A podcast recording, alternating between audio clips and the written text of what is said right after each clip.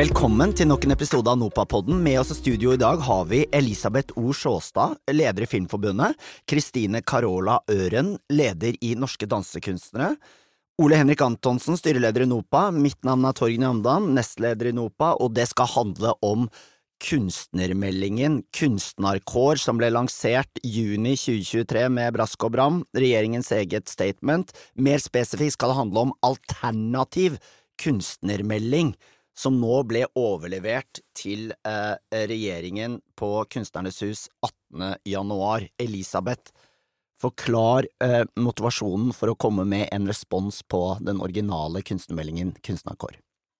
Jo, nå skal dere høre. Vi eh, ventet i fem år på Kunstnerkår, og den ble lansert i juni i fjor, som du sa. Eh, forventningene var høye. Eh, dette skulle handle om hvordan kunstnerne, altså vi som personer, kunstnerne sjøl skulle få forbedrede kår. Ehm, jeg må si at eh, der strøk regjeringen på eksamen. Eh, det er et eh, sammensurium av generell kulturpolitikk, en gjennomgang av virkemiddelapparat og statlige etater, og fint lite konkret for å faktisk forbedre kunstnernes kår. Det er noen anslag til ambisjoner der, men de er veldig uforløste, så i min bok så står den litt i strykkarakter. Eh, men for så vidt gode intensjoner. Så det gjorde jo eh, det litt nødvendig, følte vi, å dra i gang en alternativ kunstnermelding. Eh, det er jo sånn hvert år at når regjeringen legger fram et statsbudsjett i Stortinget, så kommer alle partiene med sine alternative statsbudsjett, hvor de synliggjør hva er forskjellen på regjeringens forslag og sin politikk, og hvordan de ville prioritert. Så derfor så er en alternativ kunstnermelding det er vi som står bak, vår respons på hvordan vi ønsker at de tiltakene skal treffe oss best mulig. Og der, ja, og der kan vi, Hvis man kan si også litt hva en stortingsmelding er eh, Da får dere fylle meg inn om jeg, om jeg bommer på det, men, men, stortingsmelding er jo en melding som går fra departementet, fra regjering til Stortinget om eh, en slags tilstand som er nå, gjerne, og hvordan man ser for seg at det her skal være om noen år. Så det, det, det er et slags sånn langtidsvarsel for hva man tenker å gjøre. Og, det legger et premiss, rett og slett? Ja, for politikk i mange år fremover. Sånn at uh, forskjellen fra et budsjett da, vi, vi er jo mange kunstnerorganisasjoner som er, som er med sammen her. Um, I et budsjett så er det jo gjerne sånn at uh, vi krangler om kronen og sånn, mens, mens her har også Når vi legger fram vår alternative, så er det liksom for å si hvordan vi tenker det kan være for hvert felt, eh, og ikke nødvendigvis i en prioritert rekkefølge.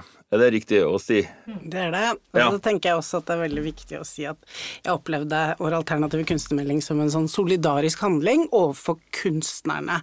Uavhengig av kunstdisiplin.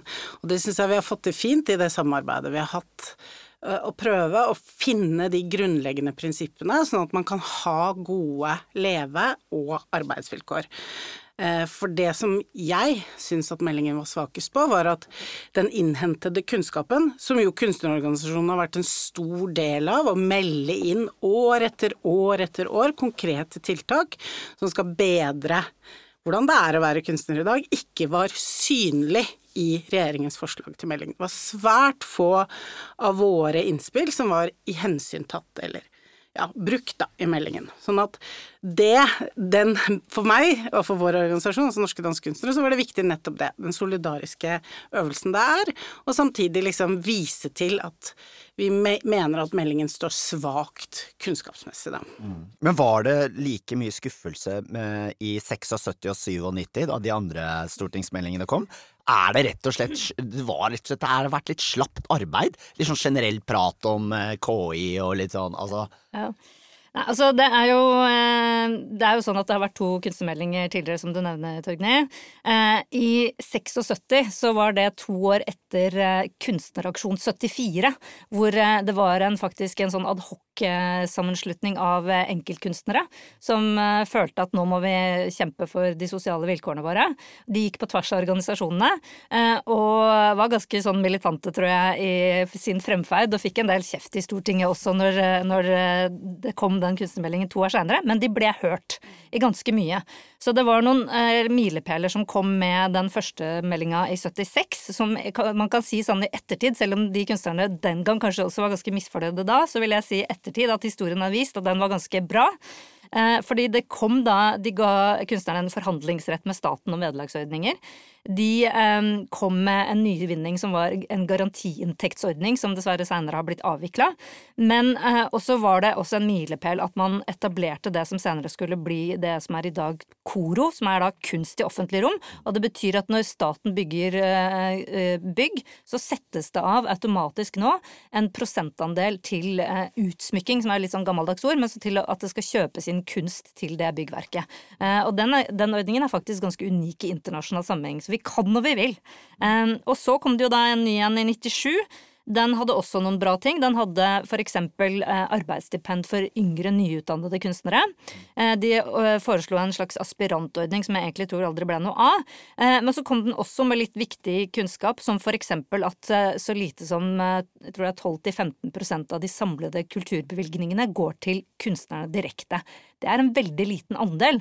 Og internasjonalt så påpeker man den at personene bak kunsten, da, vi er jo liksom førstebevegerne i det som blir en hel næringskjede og skaper masse arbeidsplasser. Vi ender liksom alltid opp med svarteper, vi, og får liksom for lite igjen for at vi skal skape nytt, uh, nye verk. Så, så, det er jo et paradoks i hele denne kulturpolitikken, og, og har også blitt eh, stadfestet gjennom annet politisk arbeid seinere, at vi sakker litt sånn akterut. Og det betyr jo litt at man kanskje ikke har de riktige verktøyene i verktøykassa. Eh, det som eh, politikerne har en tendens til å peke på, at eh, ja, vi har jo Nav, vi har jo en del andre sosiale ordninger som liksom skulle kunne ta vare på kunstnerne, da. Men ja, ambisjonen helt tilbake i 76, det var at man skulle egentlig ha like vilkår som andre grupper i samfunnet. Og 50 år seinere så ser vi at vi har ikke fått til det. Da er det noen virkemidler som mangler. Ja, fordi det er en mangel på forståelse av kunstnerøkonomi i, i samfunnet. Ja, det, det, så vi jo veldig godt under pandemien. Og én ting som har vært etterlyst, det, det, er jo et enkelt tiltak som, som egentlig ikke, kanskje ikke engang trenger å koste ei krone, men hvis du hadde samla eh, kunstnerne i ett Nav-kontor som fikk litt kompetanse på den lappeteppeøkonomien som veldig mange av oss har, så hadde det gjort det enklere. Så, um, så det er i hvert fall uh, et, et ganske enkelt strukturelt grep som man kunne gjort. Ja, så er det jo også et felt som ikke har hatt uh, altså ikke overvåkning, misforstå meg rett, holdt jeg på å si, forstå meg rett, men hatt strukturer som har analysert det heller, da, og samla inn, uh, inn kunnskap om kunstnerøkonomien. Det har ikke vært prioritert på en måte i noen, noen, strukturer, men nå har jo Kulturdirektoratet fått en avdeling som skal på en måte gjøre den jobben, så at vi kanskje fremover vil kunne liksom se virkelig effekt Altså hva er de virkelige tallene her, da? Den gode, gode, det gode tallgrunnlaget. Hvor mange minstepensjonister er det nå som var kunstnere på 80-tallet? Ja, og det er, jo, det er, jo, kanskje det beste vi har i vente, sånn prosentmessig minstepensjon. Altså, men, men, poenget jeg vet ikke hvordan det er for, for eh, kunst- og kulturfeltet som helhet, men jeg, jeg, vet at i musikkbransjen, da, i eh, det siste tallet jeg vet om, er fra 2018, så Menon altså som gjør undersøkelser, av et stort selskap på det, sa at det var 8000 selskap i musikkbransjen i Norge, og 80% av dem er enkeltpersonsforetak. Altså det, det, er en organisasjonsform som jeg tror også går igjen all over, og der, eh, der man må kunne tenke eh, at kanskje, det, kanskje denne gruppa av, av kulturarbeidere burde ha noen, noen særtiltak nettopp for å få like vilkår som andre, for det, det har vi ikke per i dag. Før vi går inn konkret litt mer på den alternative kunstnermeldingen, eh, vi har vært inne på svakheter og sleivetheter og uh, overfladiskheter eh, på, i kunstnerkår. Eh, men det er vel noe bra der? Er det noen som føler seg sett der, og kan dere trekke fram noe som er positivt? Det kan vel ikke bare være sorgen? Nei, absolutt ikke. For, altså det ble satt i gang et arbeid uh, mens departementet jobbet med meldingen. Det ble satt ned en arbeidsgruppe som skulle se på noen prinsipper for rimelig betaling for kunstnere. Og Det er et veldig viktig stykke arbeid. Og det, det eh, nådde ikke helt i mål, det arbeidet, men det var et viktig påstartet arbeid, og som det finnes eksempler fra utlandet til etterfølgelse. Og der er det en stor ryddejobb eh, i staten sjøl og i det offentlige som på en måte anerkjennes i meldingen. Eh, og det er jo det at f.eks. for eksempel man skal anses som arbeidsfolk, og det betyr jo egentlig litt at man skal ha disse like rettighetene. Og så blir det jo litt dette her at man Det blir litt sånn kafkaesk, da, fordi man, man antar at man skal kunne passe inn i ordninger som man, når man konkret står der og trenger dem, så passer det ikke likevel. Et godt eksempel på det var jo at det var jo egentlig politisk vedtatt under pandemien at man skulle ha en gjennomsnittsberegning av de tre siste årene. Så var det datasystemet til Nav som på en måte ikke klarte det, så da ble det bare 2019 som ble tellende. Så vi kan jo ikke ha politikk som på en måte skal ende ut at det er datasystemene som bestemmer om det er mulig å gjennomføre eller ikke. Men, eh, så det, det kapittelet og de, det arbeidet rundt dette med de prinsippene for rimelig betaling, som gjelder både lønn slash honorar, men også vederlag, det er noe av det mest sentrale i kunstnerpolitikken. Og der gjenstår det jo et stort stykke arbeid som meldingen sjøl ikke kom i mål med, men som, som skal følges opp. Så det, det, er bra. Og det er jo litt det vi ønsker å forsterke i den alternative kunstnermeldingen også, da. Um, ja, skal vi, skal vi gå litt eh, spesifikt til verks på alternativ kunstnermelding? Er det noen som har lyst til å si noe eh, konkret om eh, forslag fra eh, kunstfeltet? Innspill inn?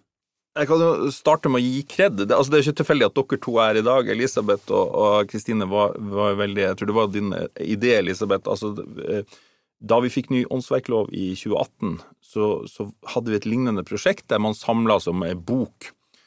Eh, og da var ideen at, eh, at um, hvis loven ble sånn som vi vil, så skulle den boka trykkes eh, med loven, og så var det kunstnerne sine fotnoter. Og Hvis loven ikke ble som vi ville, så skulle den trykkes med blanke ark. Og det ble, eh, Da jeg fikk den ideen første gang presentert, så må jeg innrømme at ja, ja, det Men det virka veldig godt. Mm. Så Elisabeth var vel den som plukka opp, for her har vi spilt inn i fem år, i mange runder til samme melding, med tre forskjellige statsråder i hvert fall, og to forskjellige regjeringer at det finnes allerede så mye som vi har spilt inn, som vi ikke ser i kunstnerkår. Så det var liksom mm. første tanken. Mm.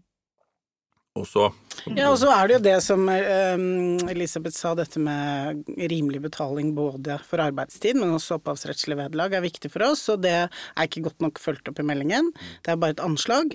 Uh, og så er det jo også at Arbeiderpartiet selv har gått veldig hardt ut og sagt at vi skal være arbeidsfolk hva er nå egentlig det? Hvordan vil det se ut for de? Altså hva, hva, er det konkret?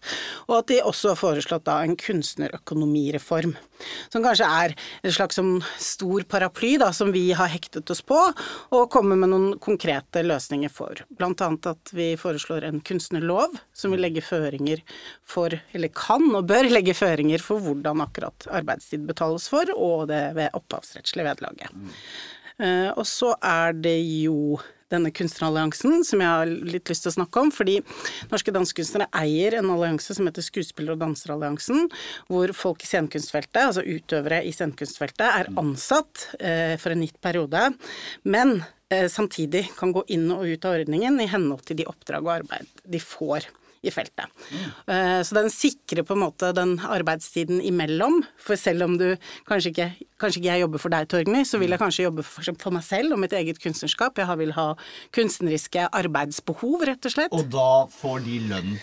Fordi lønn, som igjen betales inn til de sosiale rettighetene. ikke sant? Gir tilgang til de. Så sykepengeordninger eh, eh, pensjon. pensjon. ikke minst. Mm. For det gjør ikke det, det kunstnerstipend, Statens kunstnerstipend, nå, per nå? Per nå så gjør den ikke det.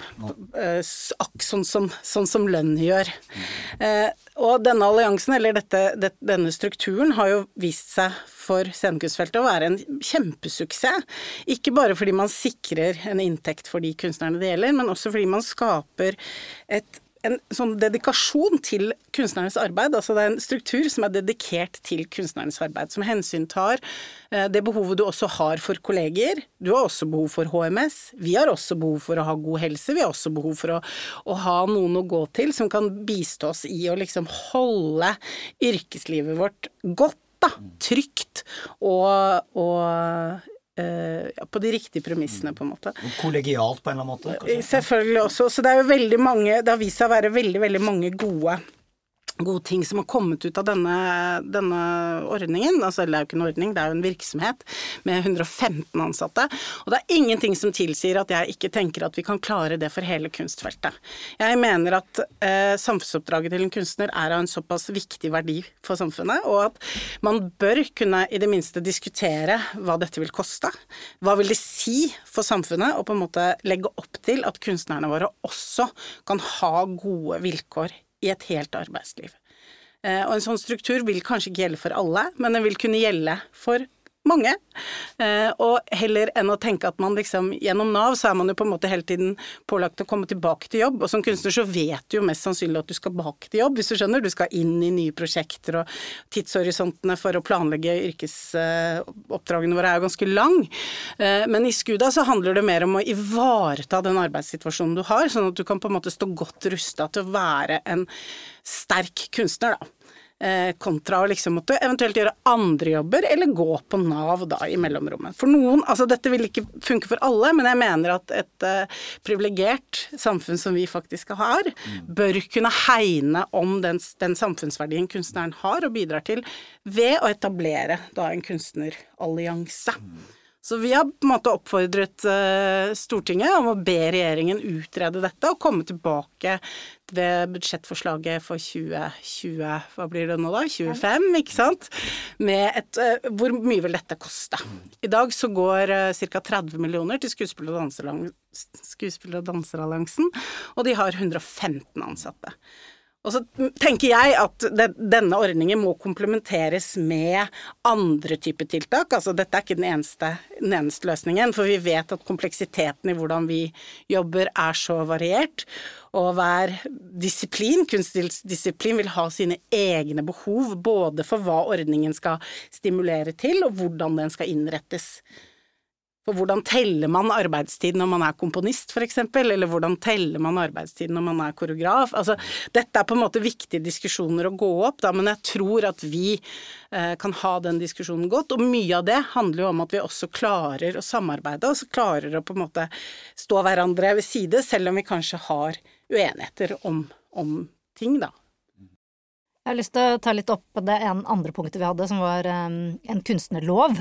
Eh, og det handler om at eh, en veldig stor svakhet med kunstnerkår er jo at den er totalt eh, blotta for den internasjonale konteksten vi faktisk befinner seg i.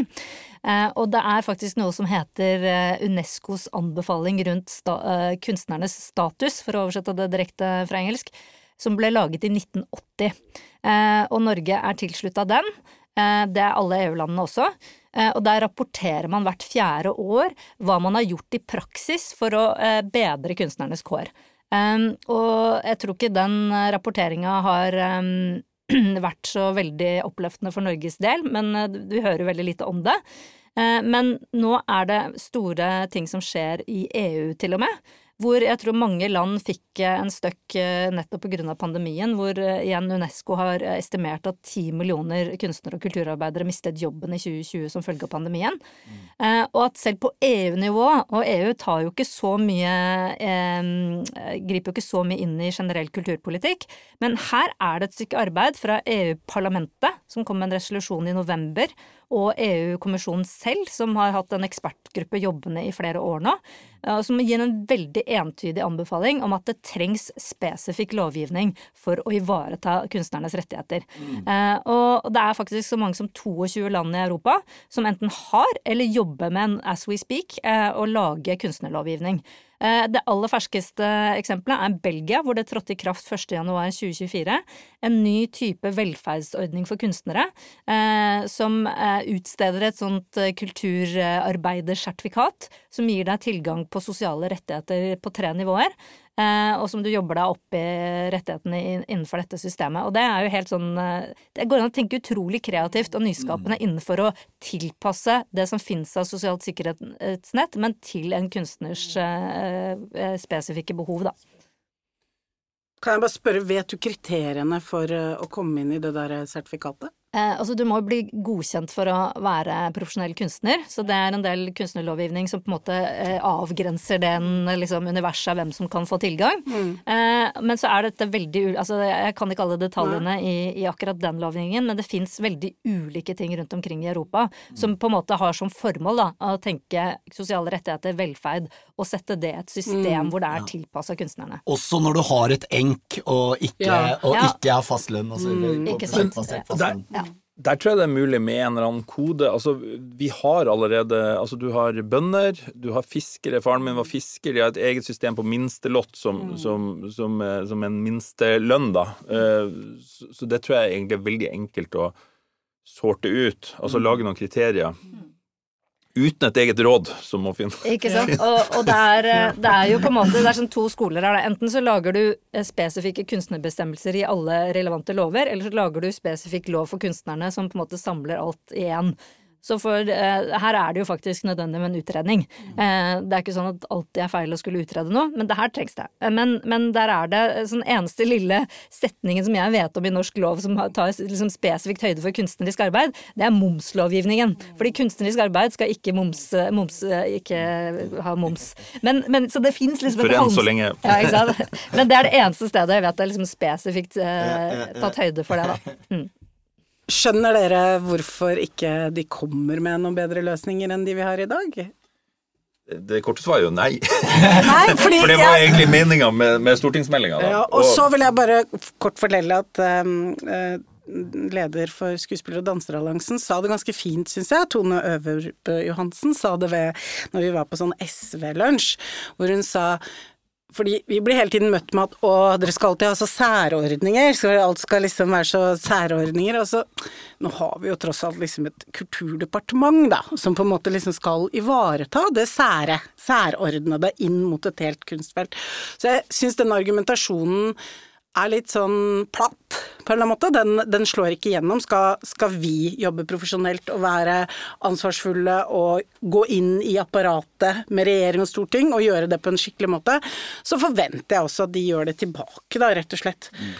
Og så finnes det jo mange særordninger i Norge. Altså, du har kraftkrevende industri i 100-150 år har hatt kjempebillig strøm. Altså, det, det, er mange ting som direkte eller indirekte eh, virker på hvert eh, område med arbeidstakere, så, så, så selvsagt Og det, det, står i meldinga, jeg, jeg, husker ikke tall, men antall eller Var det kunstnerkår, eller var det det utvalget som jobba med offentlig innkjøp av kunst, så sto det hvor stor andel av Norges befolkning som er enk. Eh, jeg tror det er sånn 3-4% Det kan hende det er helt feil, men rett fra hodet. Mm. Mens, mens, i kunst og kultur altså, helt 75 men, ja. men nettopp der, fordi mm. rent historisk så er det kanskje ikke en så uh, for, stor forståelse for det å drive som selvstendig i, i nasjonen Norge. Hele uh, velferdsmodellen er jo basert på at folk skal ha eh, holdt på å si fast lønn. Jeg husker jeg var på et sånn komponistseminar en gang. Hvordan overleve som komponist med en skatteekspert. Det første han sa var ja, det jeg vil anbefale alle, er å få seg fast lønn. Men For det, det, og alle, bare, alle ble så bleike om nebbet at de bare ja, altså, Og selvfølgelig er det sånn i dag òg, faktisk. Det er best å få seg fast lønn hvis det på en måte skjer noe i livet ditt.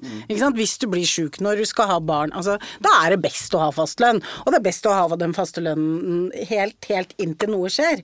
Du skal ikke ha noe sånn miks av Det er helt sant. Så, hvis du skjønner. Så, så, Men sånn poenget er Sånn sett er kunstnerne sårbare. Ja, nettopp. Og poenget er jo at det er viktig da å lage strukturelle endringer som gjør at man kan hensynta det behovet for fleksibilitet. Og jeg vil bare si at i, i um, arbeidsmiljøloven så fikk man jo inn at man kunne gå for åremålsstillinger for kunstnerisk arbeid nettopp med det for øye at man forstår at man skal ha, kunne ha frekvenser, ikke sant. Man skal kunne ha frekvensarbeid. Så det er jo ikke sånn at selv om jeg sier ja, fast arbeid er det beste, så er det ikke sånn at jeg mener at det er den eneste løsningen, hvis du skjønner. Men det er, det er faktisk min, også min plikt å si at skal du som kunstner ivaretas best innenfor det systemet vi har i dag, så er det det jeg anbefaler. Og så vet jeg at ikke du får det. Og det er en annen en annen inngang da, til å diskutere, hvis du skjønner. Men vi må anerkjenne at For det er viktig for regjering og storting at de vet at det systemet som er rigga i dag, det funker bare for de som er fast ansatt. Det funker ikke for temporære og mer sånn eh, frekvensarbeid, da. Og det er jo det vi driver med. For kunst er jo på en måte Ja, mitt kunstneriske virke er konstant i min verden, men der ute så oppstår det jo i det verket, i den konstellasjonen, på den scenen, med den musikeren, i den filmen. Altså, det er jo sånn kunstnerne liksom har dette som jeg liker å kalle et sånt fett kunstfellesskap, da, hvis du skjønner. Og derfor så mener jeg at det var flott at vi fikk til alternativ kunstnermelding. Absolutt. Nå snakka du mye, men det, det, var, det var sånn lite hjertesukk, eh, fordi at både i kunstnerkår, men, men også ellers, så får man Altså du kan si Det du starter med, Torgny, altså den norske modellen, er bygd på å være fast ansatt. Det er litt sånn, Jeg, jeg bruker å tulle med Torgny, for han har aldri vært utafor Ring 2. Eh, og denne, den, den norske modellen er også driver jakt og fiske. Men, men det er bare jeg skal si, altså for, for veldig mange sånn eh, Jeg er helt enig, hvis, hvis man kan være fast ansatt, så er det flott. Men for en som skriver musikk, så finnes det ikke en eneste stilling i Norge som på noen som helst måte kan tenkes å være eh, fast. Kanskje kan man tenke seg at eh, Eller altså en ansettelse. Kanskje kan man tenke seg at å skrive musikk til en film eller til teaterstykket at det kan være en midlertidig ansettelse. Men utover det så, så er det det er liksom ikke sånn det virker, da. Og da kan, man kan gjerne ønske seg det, men man må også forholde seg til hvordan verden er, og, og lage systemer etter det. Ja. Men jeg tenker bare at det er litt viktig sånn, hvorfor snakker vi om Altså nå snakker vi veldig mye om sosiale rettigheter, men hvorfor er dette så viktig? Jo, det har faktisk et ytringsfrihetsperspektiv. Mm. Fordi at uh, noe av det som jo i praksis gjør at folk ikke kan virke uh, som kunstnere og ytre seg, er jo uh, rett og slett at man skal overleve og ha mat og husleie og kanskje til og med være så gæren at man har lyst til å stifte familie og få barn og ha et, stå i et eh, langt yrkesliv i dette her. Og da er det liksom de betingelsene for eh, livsgrunnlaget ditt som, som, hvor det får en konsekvens. Ja, Så du tenker da at, at folk kvier seg med å, med å, med å lage f.eks. radikal, kontroversiell kunst fordi de er redd for å miste jobber og sånn? Eller uavhengig ja. av hva slags kunst det er, vil jeg si. Ja, bare sånn helt grunnleggende uansett hva du lager. Og så er det den type selvfølgelig hensyn i tillegg. Og det som jo på en måte også skjer i et veldig markedsstyrt samfunn, da, er at det på mange måter blir sånn at det offentlige må være litt garantisten for at det ikke bare er markedskreftene som rår. Eh, og vi er en eh, liten nasjon og et lite språkområde, og derfor så har vi også unntak i EU for å støtte vårt kulturliv og gi offentlig støtte Eh, til virksomheter. Og det handler jo nettopp om å ivareta eh, grunnverdiene, språk og kulturidentitet, og at dette handler også om det. Og det er jo et paradoks da at det er ikke så veldig mange eh, som på en måte ser for seg eh, en karriere innenfor kunst og kultur.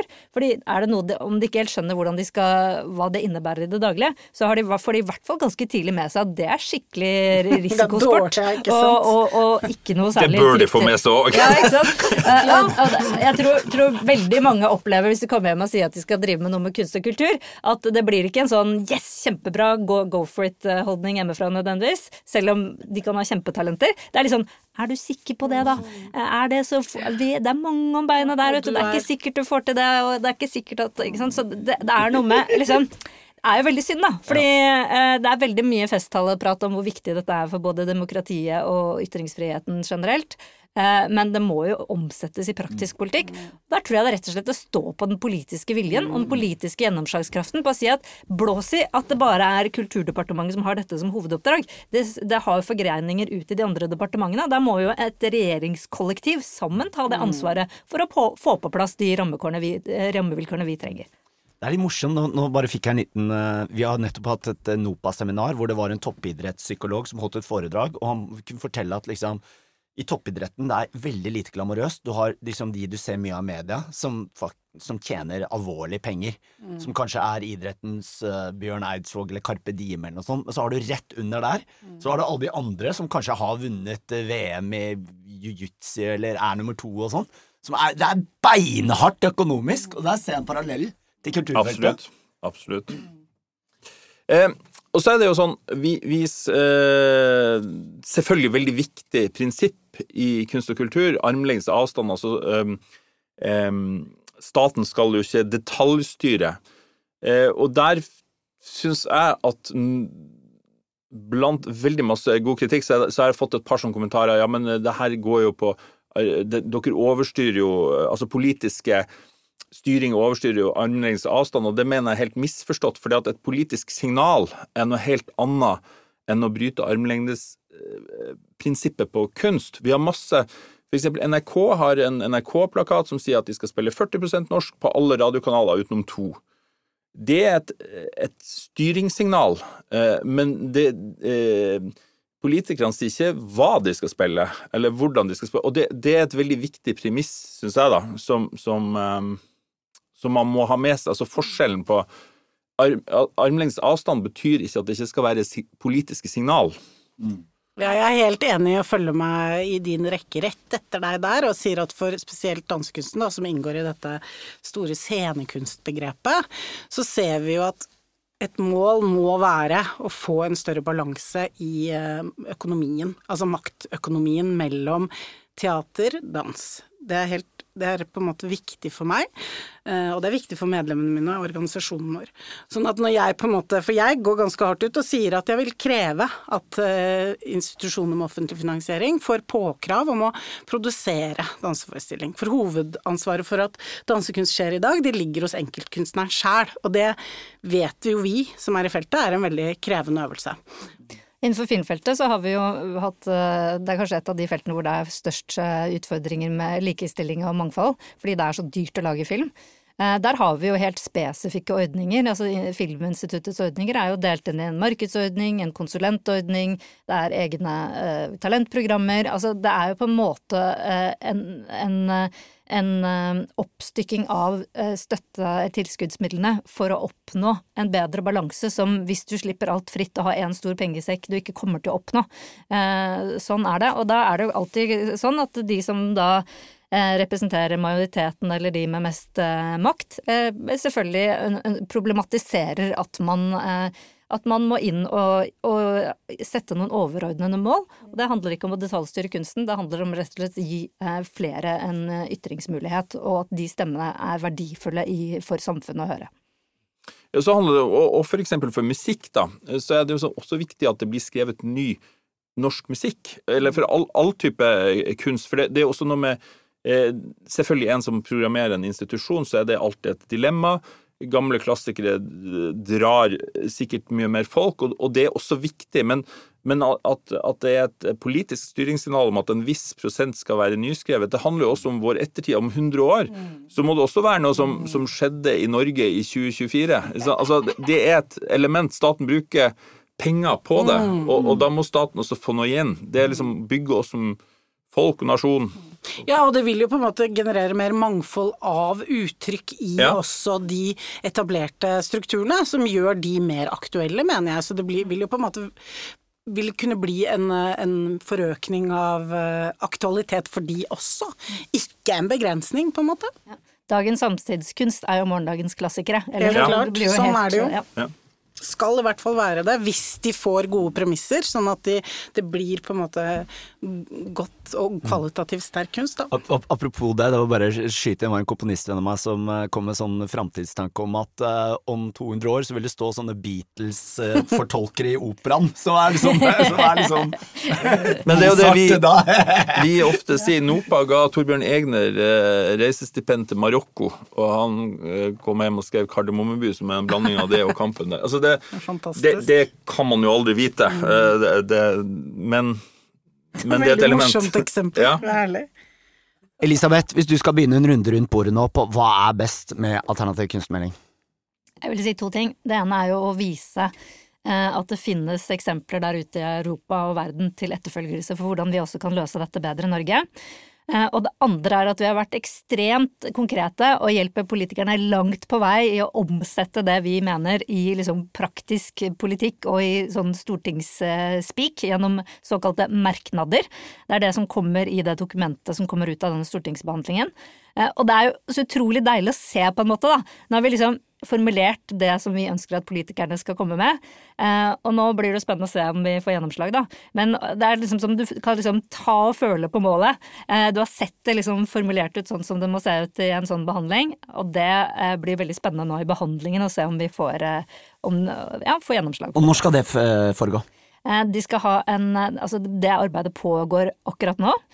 Så skal komiteen avgi en innstilling, og så blir det en stortingsdebatt 19. mars. Da har jeg tenkt å være på galleriet. Ole Henrik? Ja, da er jeg dessverre i Brussel. Ellers skulle jeg vært der. Nei, jeg, jeg, jeg syns at eh, det aller beste med alternativ eh, eh, kunstnermelding er at vi har klart å gi en, en samla respons. Ganske mange, altså vi er 15 eller 16 kunstnerorganisasjoner som har klart å gjøre det. Eh, og at man har klart å liksom være litt raus med hverandre og, og, og, jobbe sammen. fordi at det er så mye som er altså med min hatt på, da, som, som NOPA-leder, så er selvfølgelig at Og det vi ikke har snakka om så langt nå, det er jo rettigheter, men det har vi snakka om i flere episoder før. altså det at at kunstnerkår ikke sier noen ting om rettigheter, f.eks. i møte med kunstig intelligens, utover at man skal følge utviklinga i EU nøye, syns jo vi eh, som rettighetshavere er, er, er, ganske vilt, for det er vår økonomi.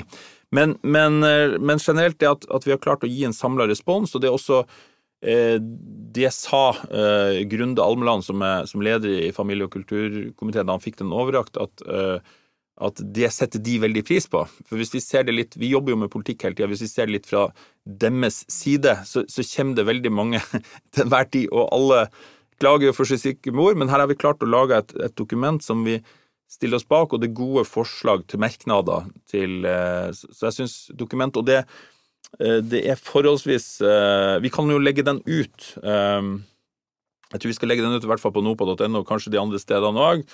Eh, så man kan lese den. Det er et forholdsvis lettlest dokument. Politikerne har fått den i form av en trykksak som man kan slå opp i. Så det, jeg syns liksom helheten i, i, i, det, og, og, forslagene til konkrete tiltak, kunstnerlov, kunstnerøkonomireform, kunstnerallianse, er veldig bra. Veldig bra teamwork. Veldig bra å jobbe med dere. Kristine? Jeg vil bare føye meg inn i rekken og tilslutte med de andre her. Um, for um for det er noe veldig fint å kunne stå side, side, side om side med hverandre og liksom heie hverandre frem. Det er på en måte noe jeg tror Eh, i hvert fall jeg som leder ønsker å bidra til, da, eh, også for eget felt, fordi at vi står i så beinhard konkurranse med hverandre, og viser kunstfeltet at vi kan også være liksom dette kunstfellesskapet, det mener jeg er, liksom er det beste, da, for det er bare ikke denne blekka, det er også liksom noe som skjer mennesker imellom, og liksom at vi også beholder hjertet i det, og går foran som gode eksempler på det, det setter jeg veldig, veldig pris på. Ja, Dyrebart. Kristine, du tok jo også litt eh, ekstra ansvar for at vi også eh, fikk med oss de samiske samiske kunstnerorganisasjonene. Mm. Mm. Det er bra. Og, og, bare i min lange, lange, rekke av ting som var bra, eh, så må jeg også si som, som leder av NOPA, da, så, så, i den blandings... Eh, lappeteppeøkonomien som man har, så er det jo også sånn at av våre 1600 medlemmer, så er det veldig mange som også er musikere, som mm. også er skuespillere, mm. som også er til og med dansere, mm. eller altså sånn, eh, og ikke minst skriver musikk for dans. sånn at i hele feltet så går jo veldig mye i hverandre. Du er ikke bare det eller ikke bare det. Så, så, dermed også kunne gi en såpass uh, samla Ja, og det å faktisk også unne hverandre noe godt, da, eventuelt det, som skal komme og... ut av denne meldingen. For jeg håper jo at det ikke bare er de tiltakene jeg har foreslått, men også de tiltakene andre har foreslått som får gjennomslag. Og den øvelsen, den skal jeg heie frem, altså, som leder. Da sier vi det sånn. Ganske bra. Det var fint.